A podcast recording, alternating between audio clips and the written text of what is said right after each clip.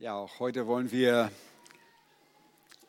unsere Serie in Markus 13 fortsetzen. Ich glaube, das ist Teil 4 zu dem Thema der Gräuel der Verwüstung bringt harte Zeiten. Und wir wollen, bevor wir beginnen, eine kurze Einordnung geben zu dem, wo wir uns gerade befinden. Ihr wisst, der Herr Jesus Christus ist im Begriff, für uns zu sterben, für die Glaubenden zu sterben, alle, die glauben sollen, den Preis zu bezahlen, dass wir ewiges Leben haben können. Und es ist der Mittwoch der Leidenswoche. Er hatte den ganzen Tag im Tempel gelehrt und äh, der Tempel muss sich gewundert haben, seit Jahrhunderten endlich mal jemand, der die Wahrheit widersprach im Tempel. Ähm, aber dieser öffentliche Dienst des Herrn Jesus ist nun vorbei und er geht mit seinen Jüngern, verlässt den Tempelbezirk äh, nach Osten, überquert das Kidron-Tal und setzt sich mit seinen Jüngern dort an, dem, an der westlichen Seite des Ölbergs nieder, so dass sie den Tempelberg vor Augen haben. Und jetzt haben die Jünger eine große Frage nämlich beim Verlassen des Tempels blicken sie auf diese wunderschönen Steine und die Gebäude, die dort stehen. Nicht nur der Tempel selbst, sondern auch die Gebäude, die auf diesem Tempelkomplex stehen. Und äh, sie hatten noch so vage in Erinnerung, dieses Haus soll verwüstet zurückgelassen werden. Diese Gedanken waren noch in ihrem Kopf, während sie diesen Tempel verlassen und äh, kommen mit der großen Frage, wann wird das alles geschehen? Und wie ihr euch sicherlich daran erinnert, sie haben eine Nahzeiterwartung, dass das Reich Gottes äh, sogleich aufgerichtet werden wird. Deshalb auch immer wieder der Streit darüber, wer wohl der Größte ist.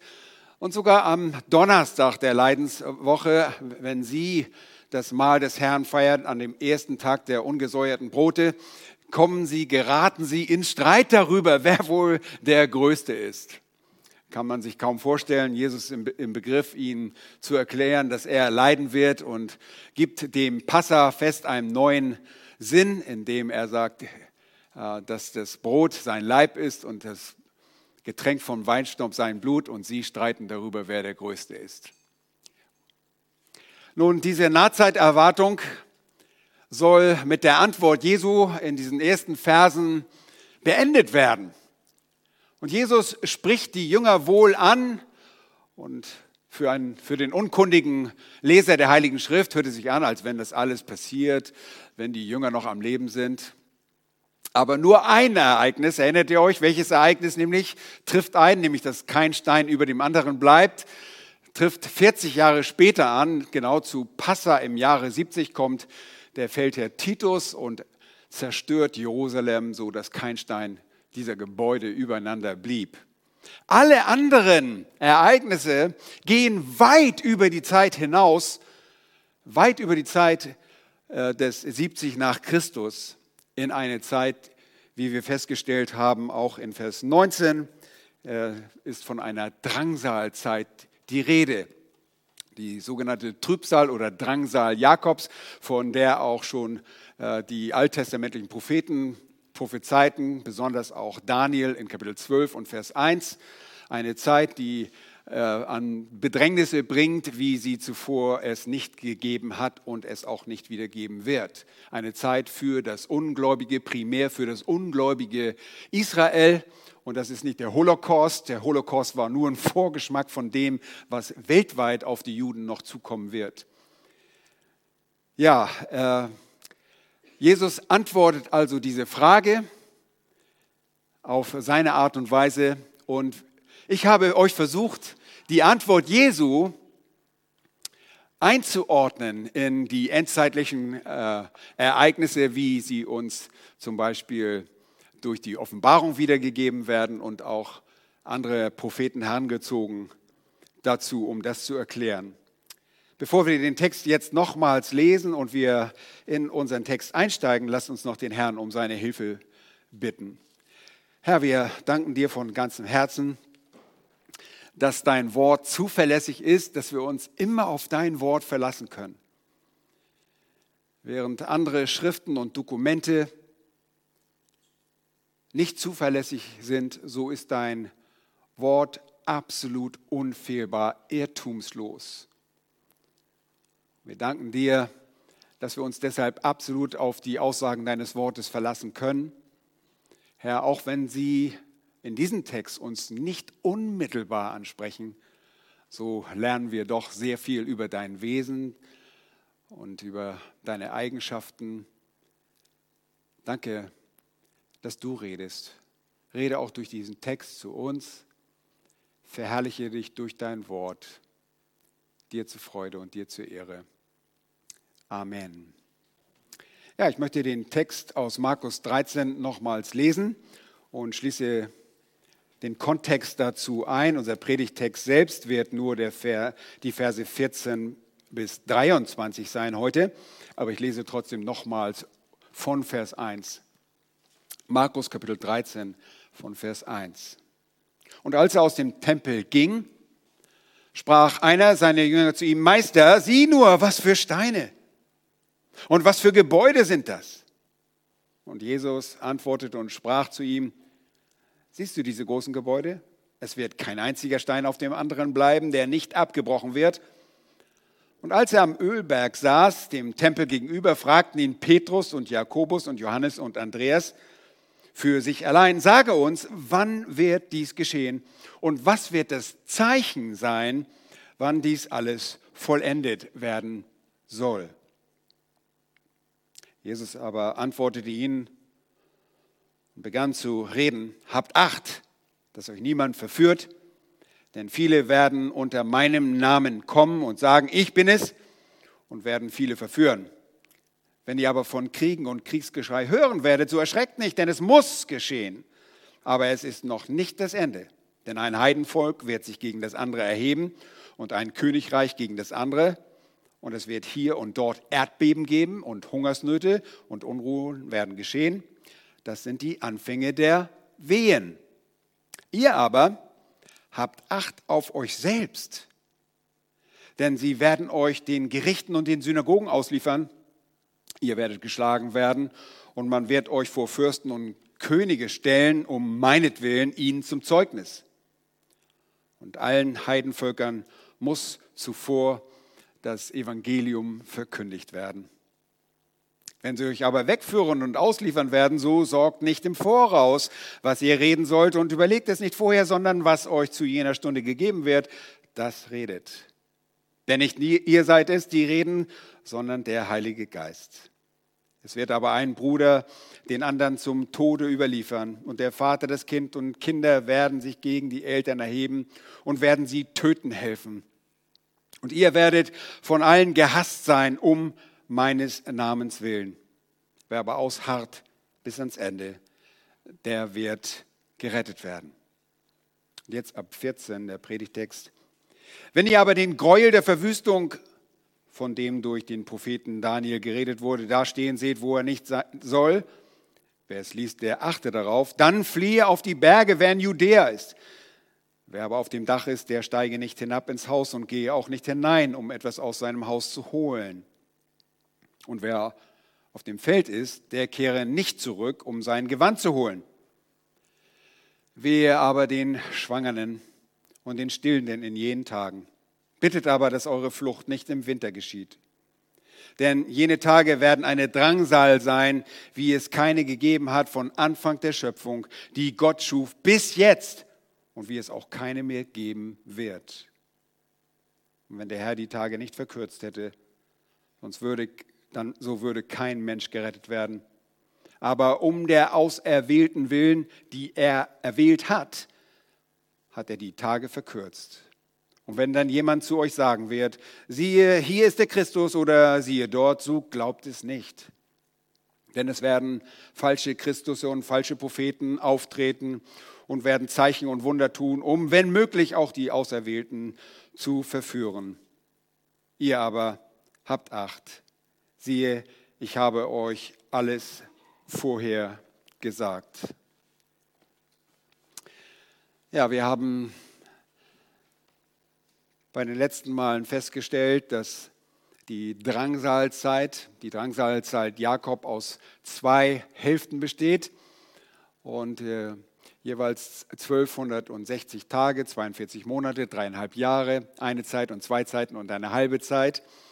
Und in der ersten Hälfte, so haben wir gesehen, korrespondierend zu den Siegelgerichten und Posaunengerichten, gibt es schon sehr schreckliche Zeiten.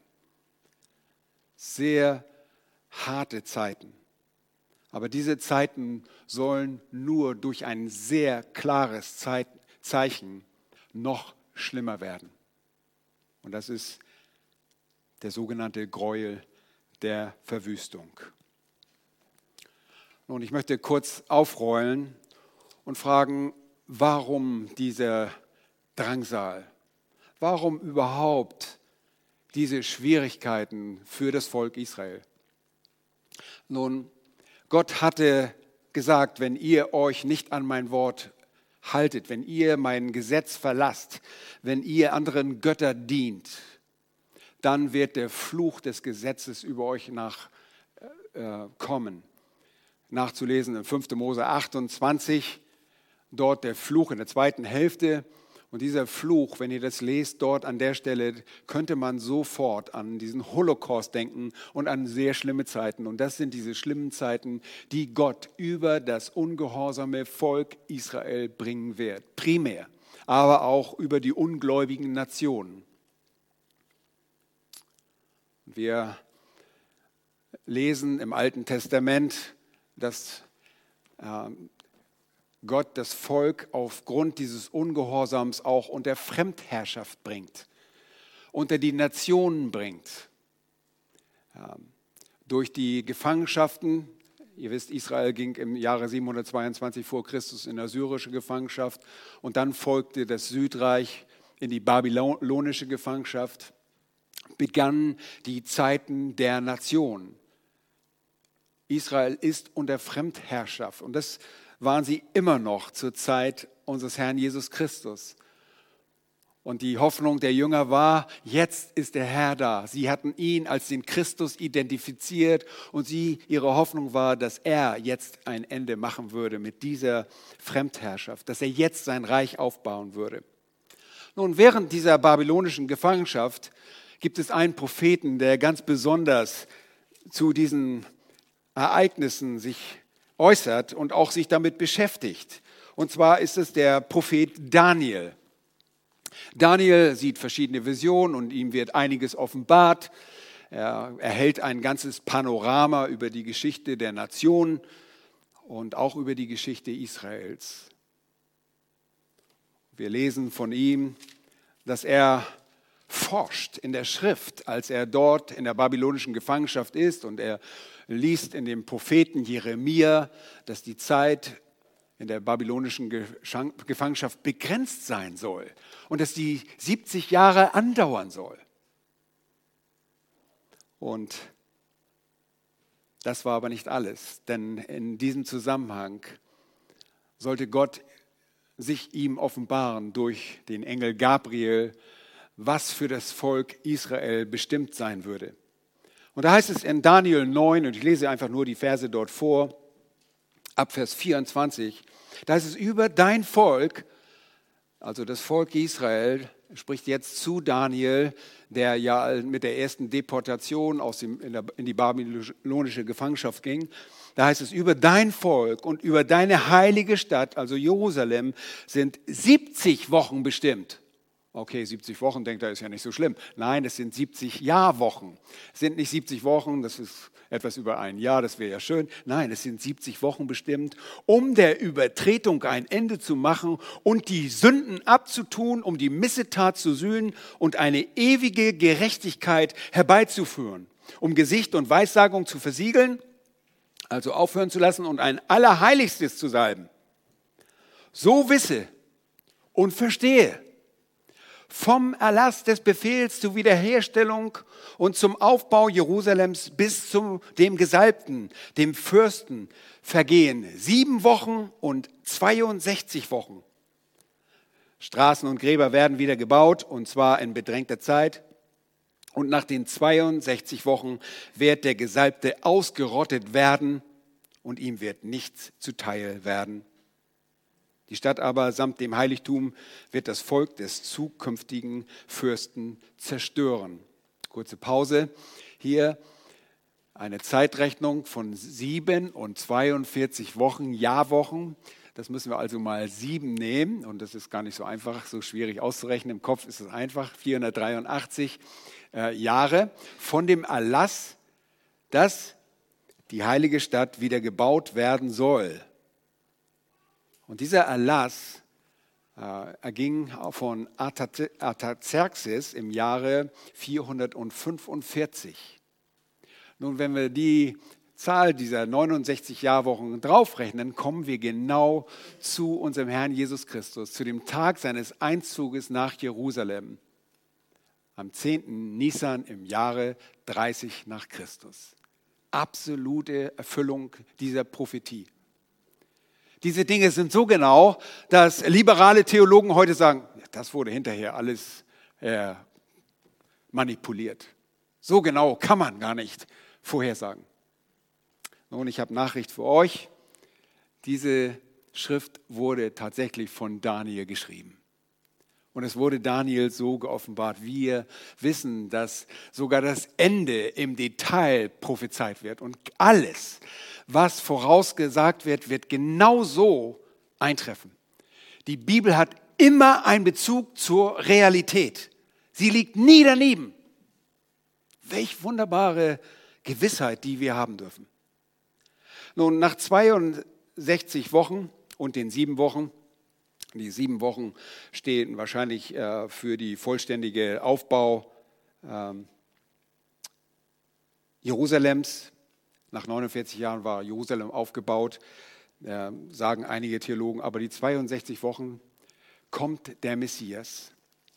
Aber es wird ihm nichts zuteil. Die Stadt aber samt dem Heiligtum wird das Volk des zukünftigen Fürsten, und das spricht von einem Fürsten, der sich gegen Gott erheben wird, das ist der sogenannte Antichrist.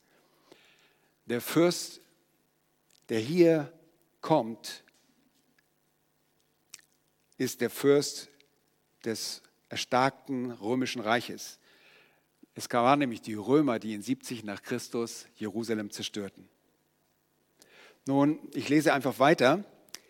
Und sie geht unter in der überströmenden Flut.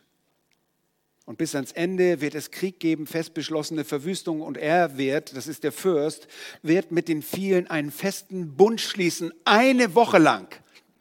Jetzt spricht Daniel hier von der 70. Jahrwoche, die, wie wir wissen, noch nicht eingetroffen ist. Es kommt zu einem Unterbruch, zu einer Pause zwischen der 69. und der 70. Jahrwoche. Und diese Jahrwoche, die 70. Jahrwoche wird eingeleitet, indem der Antichrist einen Bund schließt mit vielen, aber vor allen Dingen mit Israel. Erinnert euch, an das erste Siegel, das wir beim letzten Mal uns angesehen haben. Wie fängt die große Drangsalzeit an? Mit Frieden. Mit dem Frieden. Mit dem weißen Reiter, der auf dem Pferd saß, mit einem Bogen, der keine Pfeile hatte. Der Antichrist, der in der Lage sein wird, mit Israel einen Pakt, mit einem Bund zu schließen, ein Bündnis einzugehen und das ohne Waffengewalt sondern durch seine geschickte Diplomatie und durch Worte allein. Und da heißt es, und in der Mitte der Woche wird er Schlacht- und Speisopfer aufhören lassen. Und neben dem Flügel wird ein Gräuel der Verwüstung aufgestellt. Und zwar bis die fest beschlossene Vernichtung sich über den Verwüster ergießt. Hier haben wir diese Begrifflichkeit Gräuel der Verwüstung. Der Antichrist wird einen Pakt, einen Bund mit Israel schließen und er wird in der Mitte der Woche, das heißt nach dreieinhalb Jahren, nach 12 1260 äh, Tagen, nach 42 Monaten, diesen Bund brechen. Und er wird anfangen, die Juden vehement zu verfolgen. Okay, das nur voraus. Was ist der Gräuel? Nun, unser Text spricht davon, wenn ihr aber den Gräuel der Verwüstung da stehen seht, wo er nicht soll. Übrigens, äh, stimmt, äh, hier gibt es eine Textvariante. Die Markus-Stelle hat in der Schlachter 2000 von dem durch den Propheten Daniel geredet wurde, abgedruckt, aber bessere Manuskripte haben diesen Text hier an der Stelle nicht. Aber tröstet euch, es ist tatsächlich, dass Daniel davon gesprochen hat und Matthäus in Matthäus 24 und Vers 15 spricht genau davon und sagt, wenn ihr nun den Gräuel der Verwüstung, von dem durch den Propheten Daniel geredet wurde, an heiliger Stätte stehen seht, wer es liest, der achte darauf. Nun, was ist der Gräuel? Nur ein Gräuel ist eine Sache oder eine Tat oder ein Gegenstand, die oder der Jahwe entehrt. Die Folge davon ist Verwüstung und Zerstörung und sie bewirkt es. Und Daniel schreibt dreimal davon. Wir haben es gesehen in äh, Daniel 9 und Vers 27, das, was wir gerade gelesen haben. Wir gehen auch gleich noch etwas nochmal ein. Er erwähnt es noch ein weiteres Mal und zwar in Kapitel 11 und Vers 31. Und das ist wirklich wichtig, denn in Kapitel 11, 31 hat Daniel eine sehr interessante Erwähnung der Gräuel der Verwüstung.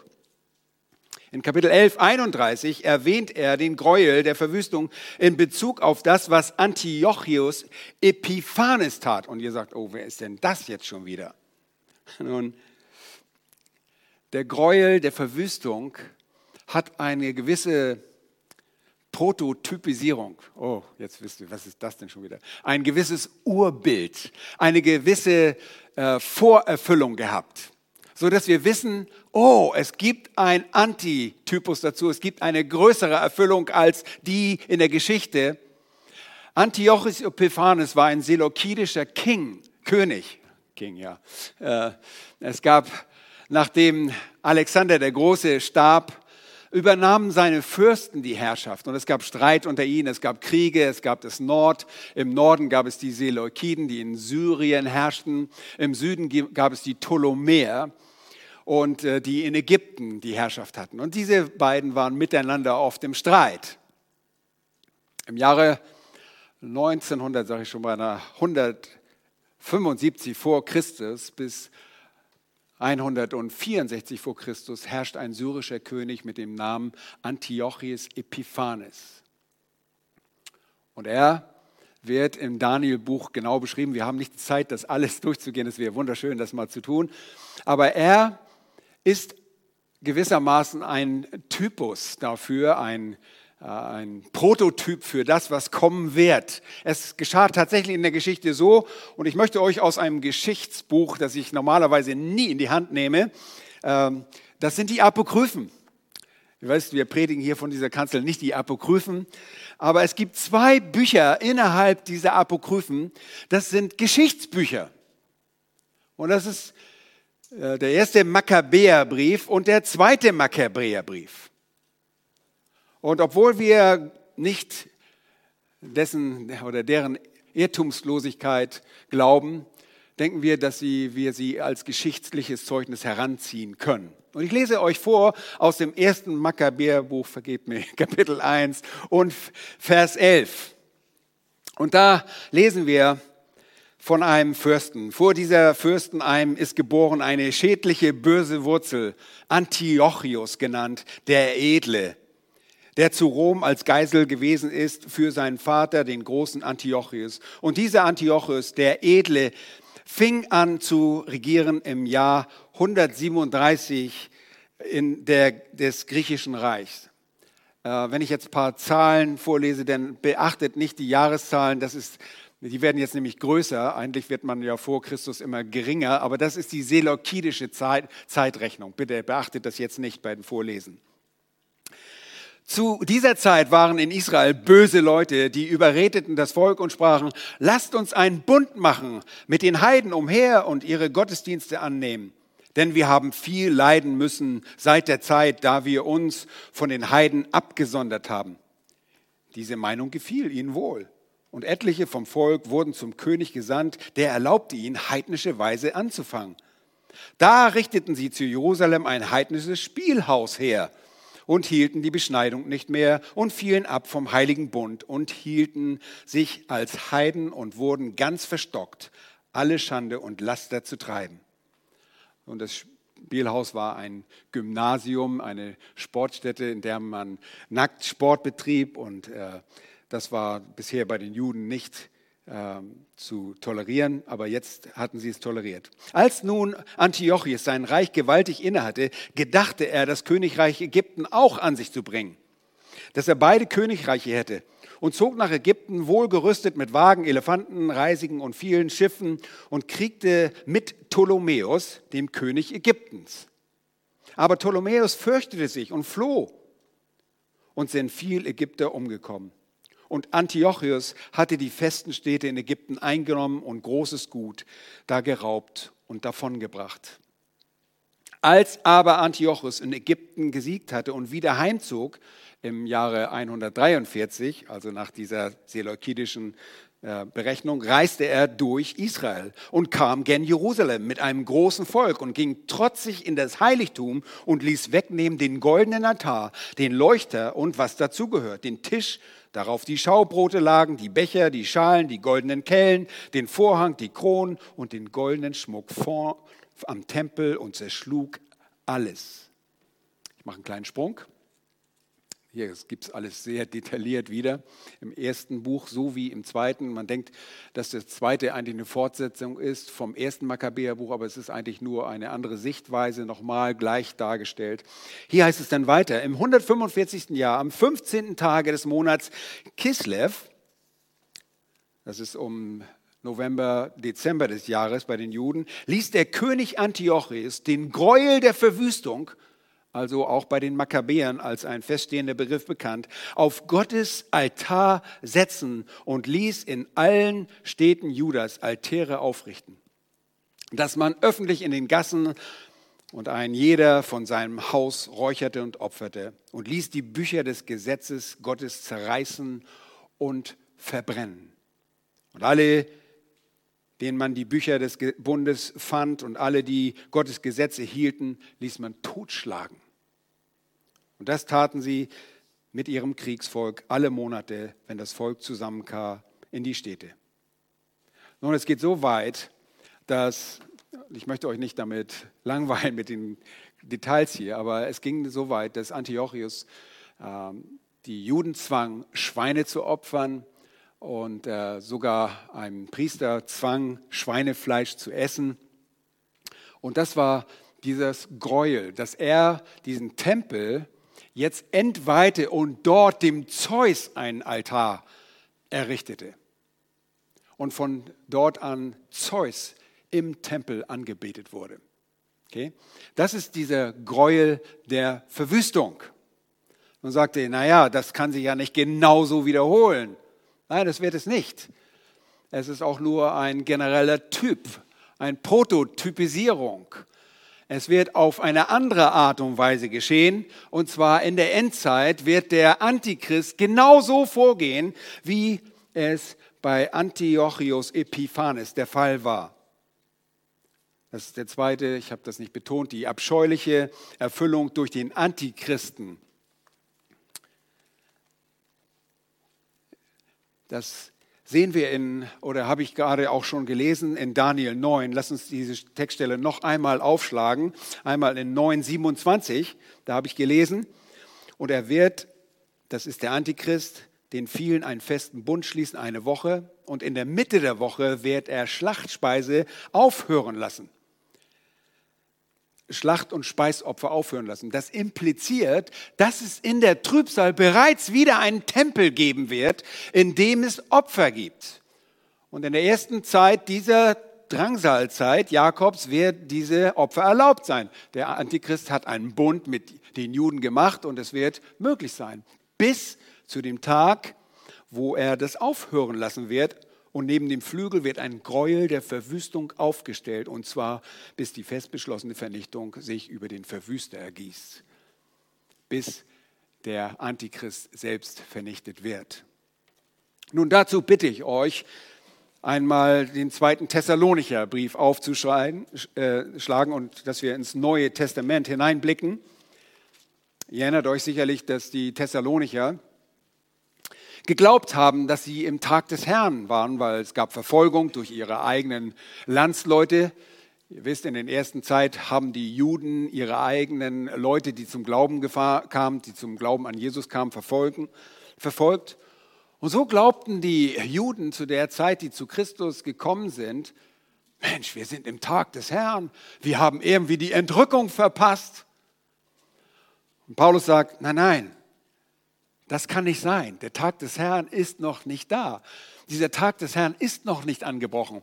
Und der Tag des Herrn ist ein feststehender Begriff. Der Tag Jahwes ist ein feststehender Begriff und steht für die Ausgießung des Zornes Gottes im Alten Testament sowie im Neuen Testament. Okay? Und sie dachten, oh, wir sind, kommen jetzt unter den Zorn Gottes. 2. Thessalonicher Kapitel 2 lese ich ab Vers 1. Wir bitten euch, ihr Brüder, er spricht die Gläubigen an, wegen der Wiederkunft unseres Herrn Jesus Christus und unserer Vereinigung mit ihm, lasst euch nicht so schnell in eurem Verständnis erschüttern oder gar in Schrecken jagen.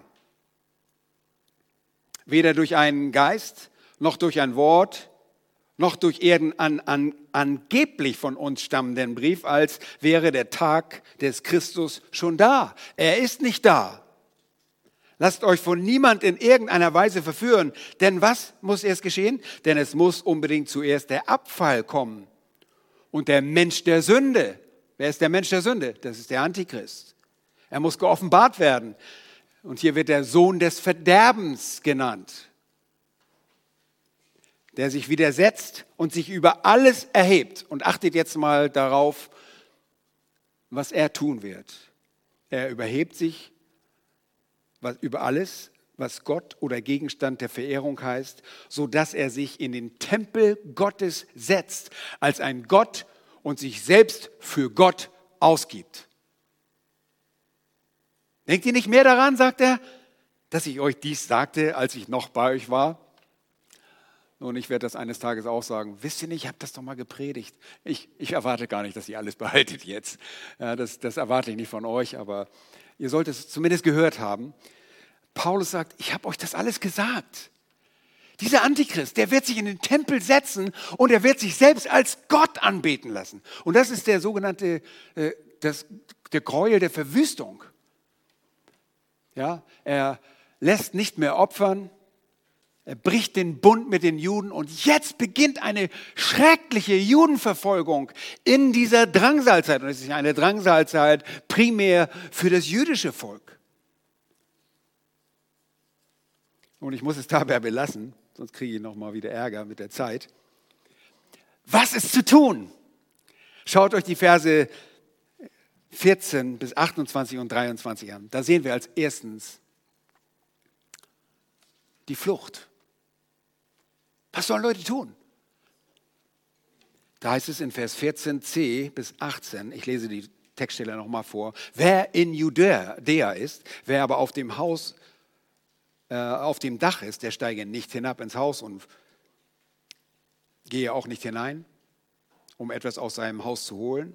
Und wer auf dem Feld ist, der kehre nicht zurück, um sein Gewand zu holen. Wer aber den Schwangeren und den Stillenden in jeden Tagen bittet aber, dass eure Flucht nicht im Winter geschieht. Es geht hier um Flucht. Die Leute, die dann in der Zeit leben, wenn dieses Zeichen, dieses deutliche Zeichen vom Ende der Zeit, es läutet nämlich die letzten dreieinhalb Jahre der großen Danksaal ein, die sollen dann fliehen. Du sagst, wo kann man denn hinfliehen? Hier wird es gesagt. Das sind für uns merkwürdige Anweisungen. Wenn ihr den Text einfach durchlest, dann denkt ihr, was? Ich habe schon von einer gehört, der, die mir gesagt hat, ja, immer wenn ich schwanger bin, denke ich daran, oh, hoffentlich bin ich jetzt nicht gerade da. Nein, keine Angst. Wir sind aus dieser Zeit rausgenommen, weil die Entrückung vorher beginnt, äh, stattfindet. Nun, wir müssen verstehen, worum es sich hier handelt. Denn es ergibt sich aus, es gibt dann auch einen Sinn. Es geht um eine Flucht, die als nötige Option der kommenden Verfolgung jüdischer Christen beachtet werden muss. Jemand anders wird niemals das Neue Testament zur Hand nehmen oder wird niemals hineinschauen und sagen, was will Gott in dieser Zeit. Es werden nur Gläubige tun. Beachten werden diese Warnung nur solche, die der Schrift und den Worten Jesu Folge leisten. Schlag dazu bitte einmal die Offenbarung Kapitel 12 auf. Offenbarung Kapitel 12, da lesen wir von einem ganz besonderen Zeichen. Ich habe euch gesagt, sie sollen fliehen. Ne? Und jetzt schaut mal in Offenbarung Kapitel 12. Johannes sieht ein großes Zeichen. Das ist das erste der vielen Zeichen, die noch folgen werden. Im Himmel eine Frau mit der Sonne bekleidet und der Mond unter ihren Füßen und auf ihrem Haupt eine Krone mit zwölf Sternen. Und sie war schwanger und schrie in Wehen und Schmerzen der Geburt und es erschien ein anderes Zeichen im Himmel. Siehe, ein großer feuerroter Drache, der hatte sieben Köpfe und zehn Hörner und auf seinen Köpfen sieben Kronen. Und sein Schwanz zog den dritten Teil der Sterne des Himmels nach sich und warf sie auf die Erde. Und der Drache stand vor der Frau, die gebären sollte, um ihr Kind zu verschlingen. Bisher sind wir noch völlig im Nebel nicht ganz, weil wir, wenn wir die Prophezie, Prophezeiung von Daniel lesen, haben wir schon eine Vorahnung, aber lass uns mal weiterlesen. Sie gebar einen Sohn. Die Frau gebar einen Sohn. Einen männlichen, der alle Heidenvölker mit eisernem Stab weiden wird. Oh, oh, hier läuten jetzt die Glocken. Das kann nur einer sein. Und ihr Kind wurde entrückt zu Gott auf seinem Thron. Nun, wer ist da schon zur Seite des Thrones, zur Rechten des Vaters? Das ist der Jesus. Und die Frau floh in die Wüste. Ihr Lieben, das ist nicht Maria Magdalena, sondern das ist Israel. Die Frau ist Israel. Die Frau ist Israel und sie floh in die Wüste. Und schaut bitte auf Vers 6, wo sie einen von Gott bereiteten Ort hat, damit sie dort 1260 Tage lang ernähre, damit man sie dort ernähre. Interessant. Gleich zu Beginn der zweiten Hälfte der sogenannten großen Drangsalzeit sollen sich die Juden, die gläubig geworden sind, auf den Weg machen in die Wüste, in die Berge. Und hier wird sicherlich sehr viel Symbolik verwendet. Die Frau ist aber eindeutig Israel und dass Satan, der große feuerrote Drache, sie vernichten will, geht auch klar daraus hervor. Die fliehende Frau wird aber nicht ganz Israel sein, wie man hier zunächst annehmen könnte, sondern es sind nur die Bewohner Jerusalems beziehungsweise solche, die wo sind in Judäa, die in Judäa sich befinden. Das sagt auch unser Text in Markus 13. Alle, die in Judäa sind. Wir wissen aber, dass er auch Juden gibt, die in anderen Teilen der Welt leben. Aber hier gelten diese Anweisungen denen, die zu jener Zeit in Judäa leben und schon gläubig geworden sind. Selbst wenn jene nicht alle fliehen. Denn zu diesem Zeitpunkt wird nur ein Überrest von gläubigen Juden diesen Worten des Herrn Aufmerksamkeit schenken. Der übrige Teil des verbleibenden Volkes wird grob behandelt werden. Okay? Die Leute, die das lesen, werden fliehen, der übrige Teil wird grob behandelt werden. Woher weiß ich das denn schon wieder? Schlagt mit mir auf Sacharja Kapitel 14. Sacharja Kapitel 14. Sacharja 14, die Verse 1 und 2. Und da heißt es, siehe, es kommt ein Tag für Jahwe, da wird man deine Beute verteilen in deiner Mitte. Da werden ich alle Heidenvölker bei Jerusalem zum Krieg versammeln. Erinnert ihr euch? Die Drangsalzahl beginnt in Frieden, aber dann wird es Kriegsgeschrei und viele Kriege geben, immer wieder. Und die Hauptaufmerksamkeit wird gegen Israel sein. Jetzt bricht der Antichrist seinen Bund mit Israel und er bringt die Nation zusammen, um sich gegen Jerusalem, die heilige Stadt, zu richten. Vers 2, da werde ich alle Heidenvölker bei Jerusalem zum Krieg versammeln und die Stadt wird erobert. Die Häuser werden geplündert, die Frauen geschändet werden, geschändet werden und die Hälfte der Stadt muss in die Gefangenschaft ziehen. Der Überrest des Volkes aber soll nicht aus der Stadt ausgerottet werden. Und dieser Überrest ist kein gläubiger Überrest, sondern es sind die Erwählten, die am Ende der Drangsalzeit zum Glauben kommen werden. Jetzt seid ihr völlig verwirrt, ich weiß. Glaubt mir jetzt einfach mal so, wie ich das sage. Ein Teil der Gläubigen werden vermutlich in das Tal meiner Berge fliehen, heißt es da weiter. Äh, lest mal Vers 5, in das Tal meiner Berge fliehen, denn das Tal zwischen den Bergen wird bis Azael reichen und ihr werdet fliehen wie ihr geflohen seid vor dem Erdbeben in den Tagen Usias, des Königs von Juda. Dann wird Jahwe, mein Gott, kommen und alle Heiligen mit dir. Okay, das ist hier in unserem Text nicht eine symbolische Flucht, sondern eine buchstäbliche Flucht. Und zwar aus Jerusalem beziehungsweise aus Judäa mit der buchstäblichen Flucht Israels als äh, Ägypten im Hintergrund kann man das gut verstehen. In diesen Versen gibt Jesus den Bewohnern Jerusalems und Judäas, besonders den Juden, die in der kommenden Zeit der Drangsal leben, der der Bund des Antichristen mit Israel gebrochen wird und der Gräuel der Verwüstung aufgerichtet wird und mit dem die Verfolgung der Jugend eingeleitet wird, ein eindeutiges Warnzeichen. Er warnt an dieser Stelle. Flieht.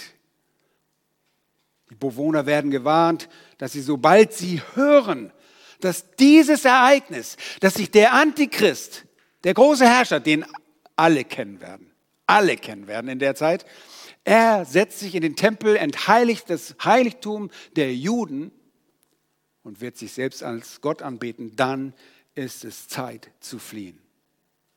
Gott ist gewillt, diesen Teil der Israeliten vor Satan zu schützen, indem er es in der Wüste versteckt, vielleicht in der Region von Moab, Ammon und Edom, östlich von Palästina, denn interessanterweise werden gerade diese Länder ausdrücklich vom Angriff des Antichristen auf das heilige Land verschont bleiben. Könnt ihr nachlesen in Daniel 11, 41.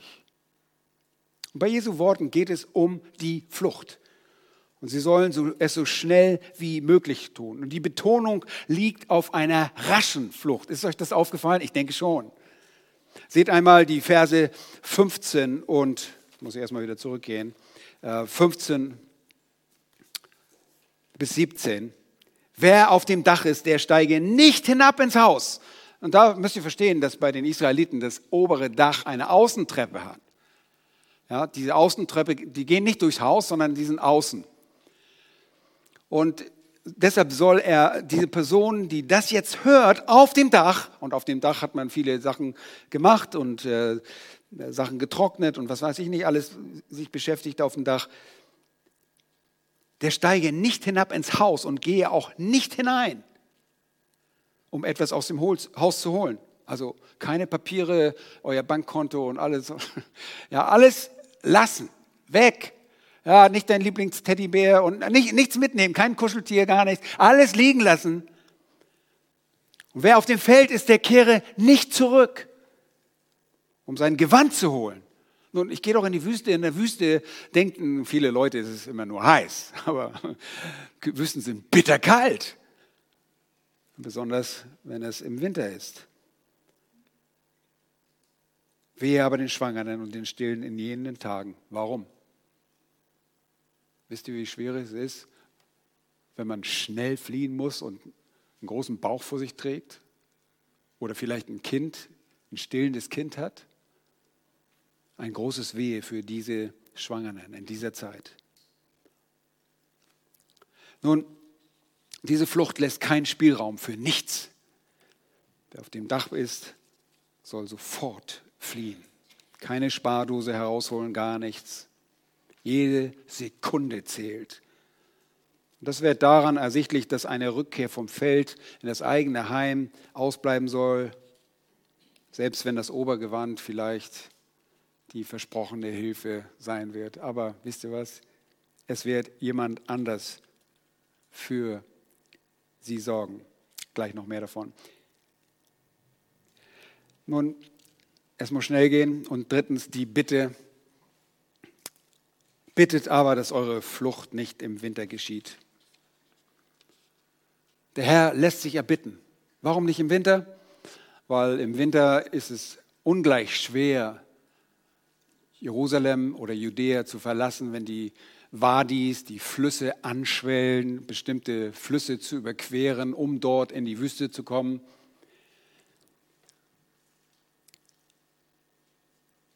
Gott lässt sich erbitten. Diese Leute sollen in dieser Zeit dafür beten, Herr, lass es nicht der Winter sein. Und dann die Achtsamkeit in Vers 23. Ihr aber habt Acht. Siehe, ich habe euch alles vorhergesagt. Warum werden die Jünger zur Achtsamkeit aufgerufen? Weil sie als jüdische Repräsentanten bzw. Gläubige dieser kommenden Drangsal dienen. Dinge, die in der Drangsal Jakobs auftreten, sind primär für dieses ungläubige Israel bestimmt und nicht für die Gläubigen und deshalb dürfen sie und können sie fliehen und werden von Gott bewahrt. Wir werden vor dieser Drangsal rausgenommen, weil wir nicht für den Zorn Gottes bestimmt sind.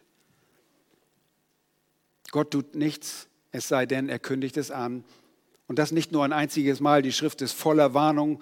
Und wir alle tun gut daran, auf Warnungen der Schrift zu achten, sie zu beherzigen, wenn sie uns betreffen. Jesus hatte alles gesagt, Paulus hatte alles gesagt und die Schreiber der Schrift haben alles schriftlich festgehalten. Es gibt keine bessere Warnung und keine zuverlässige Quelle als die Schrift. Diese Dinge stehen also in der Verantwortung derjenigen, die zurzeit leben, dieser Drangsal und dann Gott vertrauen. Sie müssen diese Dinge umsetzen. Aber drittens, was tut der Herr? Was tut der Herr? Erstens, er zürnt gemäß seiner Verheißung und seinem Wesen. Wir können denken, warum geschieht all dies?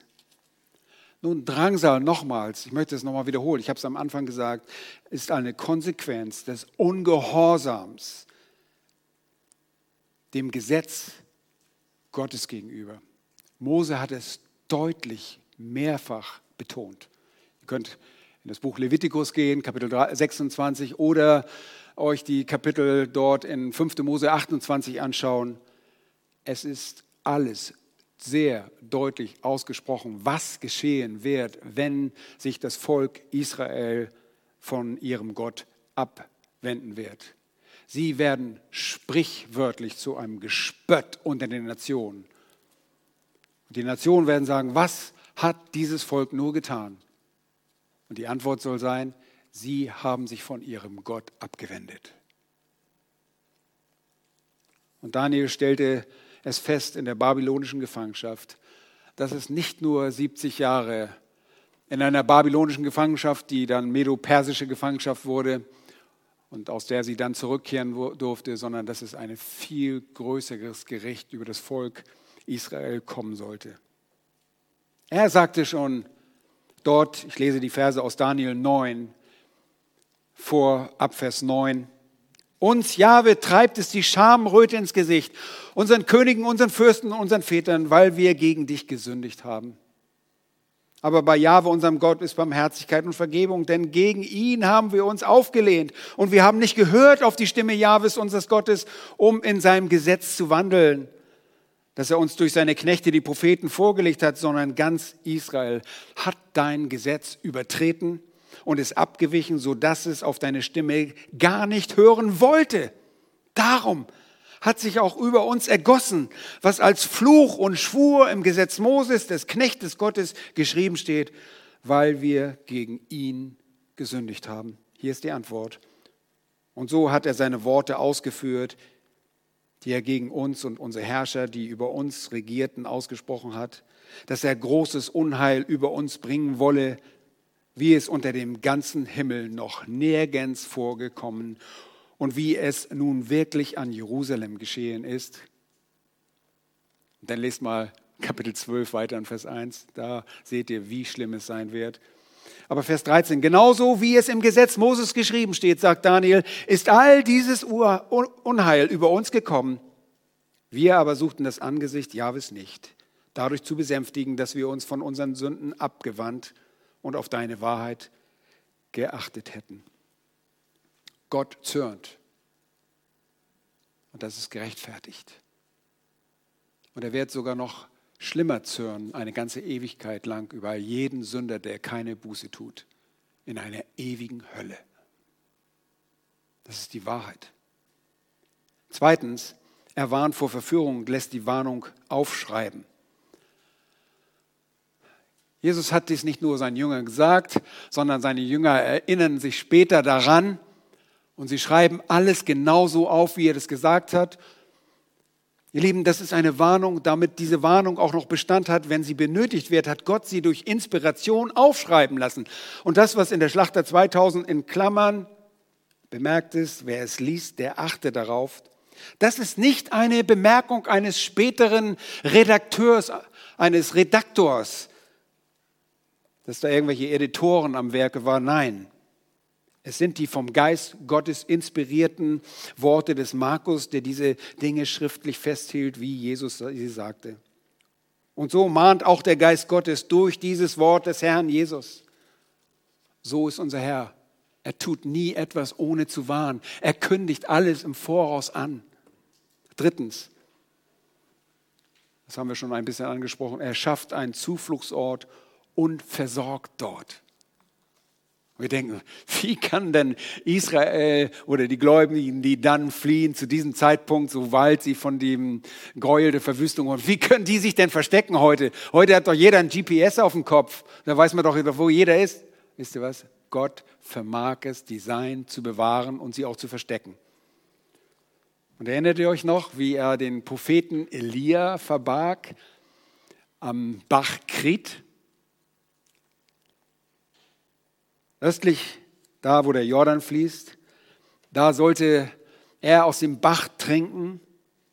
Und wen hat Gott befohlen, Elia zu versorgen? Die Raben. Hört sich nach einer Fabel an, oder? Nein. Gott hat den Raben befohlen, dem Elia Essen zu bringen. Wisst ihr was? Gott hat die Israeliten durch die Wüste gebracht. Glaubt ihr, dass es ihm möglich wird, die dieses Volk in dieser Zeit für dreieinhalb Jahre zu bewahren? Ja, er wird es tun. Und selbst als das Fleisch und der Bach vertrocknete, bei Elia könnt ihr nachlesen, 1. Könige 17, sagt er, mache dich auf, geh nach Zarpheit, bei Zidon liegt, und bleibe dort. Siehe, dort habe ich eine Witwe geboten, dass sie dich mit Nahrung versorgt. Gott weiß, die Sein zu besorgen, zu umsorgen. Viertens, er erbarmt sich seiner Auserwählten. Ich bin gleich am Ende, keine Angst. Er erbarmt sich seiner Auserwählten.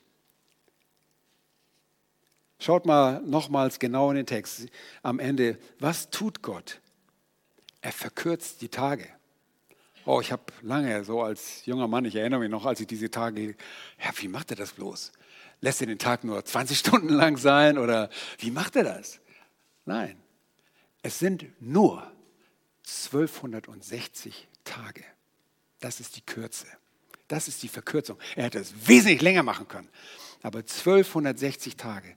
Die Tage sind verkürzt, sind 1260. Es wird nicht so sein, dass die Sonne ein paar Stunden eher untergeht und dass die Leute mehr schlafen müssen oder sonst irgendwas, sondern er verkürzt die Tage auf 1260. Es hätte wesentlich länger sein können. Um der Auserwählten willen erbarmt sich ihre. Und diese Auserwählten sind was noch ungläubige Israel, dass dann, wenn der Herr wiederkommt und er aus dem Himmel kommt, reitend auf dem weißen Pferd und auf den Öber kommt, wenn die Juden ihn sehen werden und sie auf einmal erkennen, dass er der Retter ist. Sie werden ihn erkennen, den sie durchstochen haben. Außerdem gibt es keine Möglichkeit, die Auserwählten zu verführen. Der Text sagt es hier äh, ein bisschen verschachtelt, aber das ist, da heißt es Vers 22, es werden falsche Christusse und falsche Propheten aufkommen. Falsche Christusse sind solche, die sagen, ich bin der Messias, ich bin der Gesalbte, ich erlöse euch. Und ihr könnt euch vorstellen, in einer großen Drangsalzeit ist man besonders verführt, irgendjemand zu glauben, weil was tun sie? Sie tun sogar Zeichen und Wunder. Zeichen und Wunder. Leute, wisst ihr was? Zeichen und Wunder werden oft in charismatischen Kreisen als Beweise dafür benutzt, wie stark Gott ist. Wisst ihr was? Zeichen und Wunder bewirken nichts, gar nichts. Jesus tat alle Zeichen und Wunder, die es nur irgendwie gab. Er heilte jeden und was sagten sie? Du bist vom Teufel. Das Wort Gottes überführt. Wir sind wiedergeboren. Wir glauben aufgrund des Wortes Gottes, nicht aufgrund irgendwelcher Wunder. Deshalb lasst euch niemals durch irgendein vermeintliches Zeichen oder irgendein Wunder in irgendeiner Art und Weise verführen. Wisst ihr was? Die Auserwählten Gottes können in der Zeit und auch heute nicht verführen. Wir können es temporär, aber wir werden nicht letztendlich verführt und laufen nicht irgendeinem falschen Christus, irgendeinem Scharlatan nach. Das wird nicht der Fall sein. Der Herr wird sie bewahren. Und so ist den Jüngern obwohl sie selbst nicht präsent sind in dieser Zeit, aber denen, die dann in dieser Zeit leben, ein deutliches Zeichen gegeben worden mit dem Gräuel der Verwüstung. Wenn dieser Weltenherrscher, dieser von Satan bestärkte Sohn des Verderbens kommt, um sich selbst im Tempel anzubeten. Ein deutliches Zeichen, dass es dem Ende zugeht. Nun, wir können dem Herrn dankbar sein, dass wir einen Einblick haben in all diese Ereignisse. Weil alles, was hier geschrieben wird, wird so eintreffen. So wie alle anderen Wahrheiten der Schrift auch. Wenn wir eine Warnung bekommen, dann müssen wir diese Warnung genauso ernst nehmen wie die Leute in der Zeit, wenn sie in der Trübsal sind. Diese Dinge offenbaren etwas von Gottes heiligen Wesen. Er wird strafen, er bringt Gericht. Gott ist ein Gott des Gerichtes. Und er wird nicht ein Auge zudrücken. Er wird nicht sagen, okay, habe ich nicht gesehen. Er sieht alles. Und es gibt nur einen Weg, um mit Gott ins Reine zu kommen.